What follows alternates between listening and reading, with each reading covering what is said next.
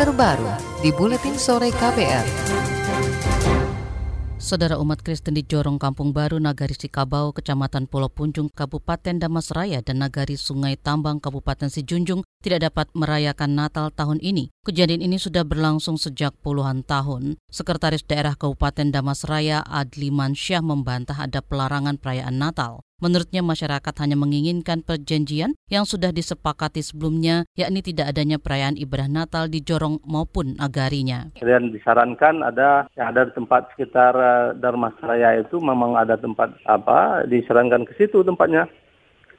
Tempat dia beribadah itu ada di lebih kurang berapa kilo nah paling sekitar 10 kilo atau 15 kilo paling banyak paling jauh ada tempat di situ yang di tempat masyarakat warga transmigrasi dulu. Sekda Kabupaten Damasraya Adli Mansyah mengklaim umat Nasrani yang ingin merayakan Natal sudah disiapkan tempat ibadah dan masih di wilayah Damasraya. Namun mereka disediakan transportasi dan akomodasi bersedia merayakan Natal ke luar wilayah seperti ke Kecamatan Sungai Rumbai, Sawah Lunto maupun Padang. Jika tidak, mereka hanya boleh merayakan Natal secara terbatas di kediaman masing-masing. Saudara sejumlah pihak menggelar pertemuan terkait pelarangan ibadah Natal di dua kabupaten tersebut. Pertemuan digelar Rabu kemarin. Yang hadir adalah pemuka agama warga Nasrani seperti Ketua Umum Stasi Katolik Darmasraya, Maradu, dan Priscilia Lubis. Pertemuan dihadiri juga personel Babin Kamtipmas Polres Darmasraya, Edi Saputra, dan Ketua Pemuda Nagari Hari Permana. Pertemuan itu menyepakati bahwa warga Nasrani tidak akan merayakan Natal di Jorong Kampung Baru. Berikut penjelasan Kepala Jorong Kampung Baru Nagari Sikabau, Kecamatan Pulau Punjung, Kabupaten Darmasraya, Sumatera Barat, M. Jumain. Kalau ibadahnya berjamaah kan gitu, itu kan mengumpulkan orang banyak tuh Pak. Kalau bisa kan yang sedikit itu bergabung dengan orang yang banyak tersebut. Nah, komunitas orang yang banyak itu adanya di Sungai Rumbai itu Pak. Kalau di sini sedikit, ya enam kakak tadi Pak. Nah, yang di Sungai Rumbai itu banyak sih. Ya dua tahun dulu ada juga solusi seperti itu kan mau ke Sungai Rumbai. Ibadahnya difasilitasi Pak di Sungai Rumbai, di Salunto atau di Padang kan gitu, difasilitasi kendaraannya, akomodasi lainnya kan difasilitasi kan. Kalau warga saya, ya itu dikembalikan ke kesepakatan ini Mamak tadi. Karena kita ini memang hidup di Jorong. Jorong itu kan hidup di bawah naungan Nagari kan. Kepala Jorong Kampung Baru M. Jumain menjelaskan di Nagari Sikabau ada 11 jorong. Dari 11 jorong itu hanya tiga jorong saja yang ada warga beragama Nasrani, yakni enam kepala keluarga beragama Katolik di Jorong Kampung Baru, delapan kepala keluarga Protestan di Jorong Songsang, dan satu kepala keluarga Pentakosta di Jorong Parit Raja.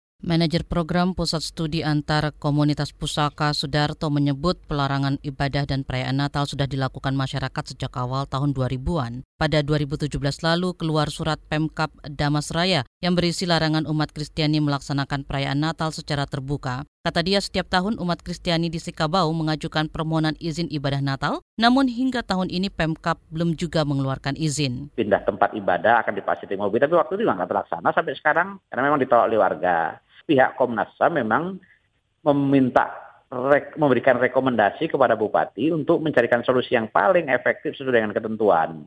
Tetapi nggak ditindaklanjuti hingga ini terjadi pengulangan lagi kasus yang sama. Manajer program Pusaka Sudarto menyebut kasus pelarangan ibadah dan perayaan Natal itu sudah dilaporkan ke Komnas HAM Sumatera Barat. Namun rekomendasi yang dikeluarkan justru tidak dipatuhi Pemkap Damas Raya. Pemkap justru siap meminjamkan kendaraan dan memberi akomodasi lain supaya warganya yang ingin merayakan Natal melakukannya di luar wilayah mereka. Kepala Paroki Santa Barabar Lunto Romo Freli Pasaribu mendesak pemerintah Kabupaten Darmasraya dan Sijunjung, Sumatera Barat memfasilitasi tempat ibadah bagi warga Nasrani yang tidak memiliki rumah ibadah resmi. Selama ini umat Nasrani beribadah dengan cara berpindah-pindah dari rumah ke rumah. Ini karena izin pembangunan rumah ibadah belum juga disetujui oleh dua Pemkap itu. Solusi itu bukan dari kami, tapi solusi dari Pemkap. Sebagaimana yang ditertuang dalam Permen Peraturan Menteri dua, eh, Menteri, ya seharusnya Pemda itu memfasilitasi rumah ibadat sementara kepada kepada orang-orang yang belum mempunyai rumah ibadat. Jadi ini Pemda yang seharusnya mempunyai ketegasan, bukan memihak pada satu pihak gitu, tapi memfasilitasi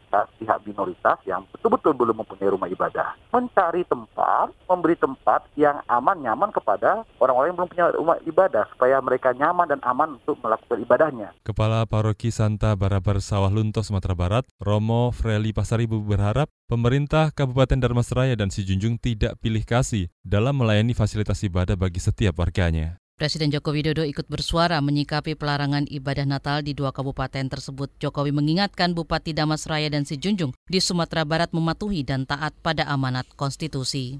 Oh, indahlah di negara ini konstitusi kita menjamin.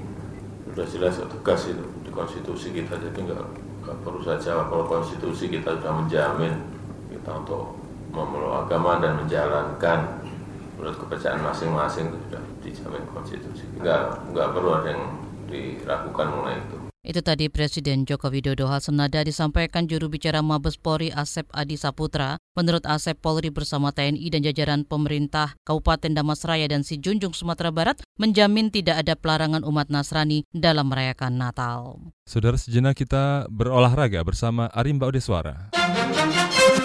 KPR Sport. Tim Paracycling Indonesia menargetkan satu medali emas, empat perak dan perunggu di event ASEAN Para Games Filipina pada Januari tahun depan. Pelatih dan koordinator tim Paracycling Indonesia, Fadilah Umar mengatakan 10 pebalap sepeda akan diterjunkan dalam tiga kategori, yaitu individual tim trial 10 km, tim trial 30 km, dan road race jarak pendek 60 km.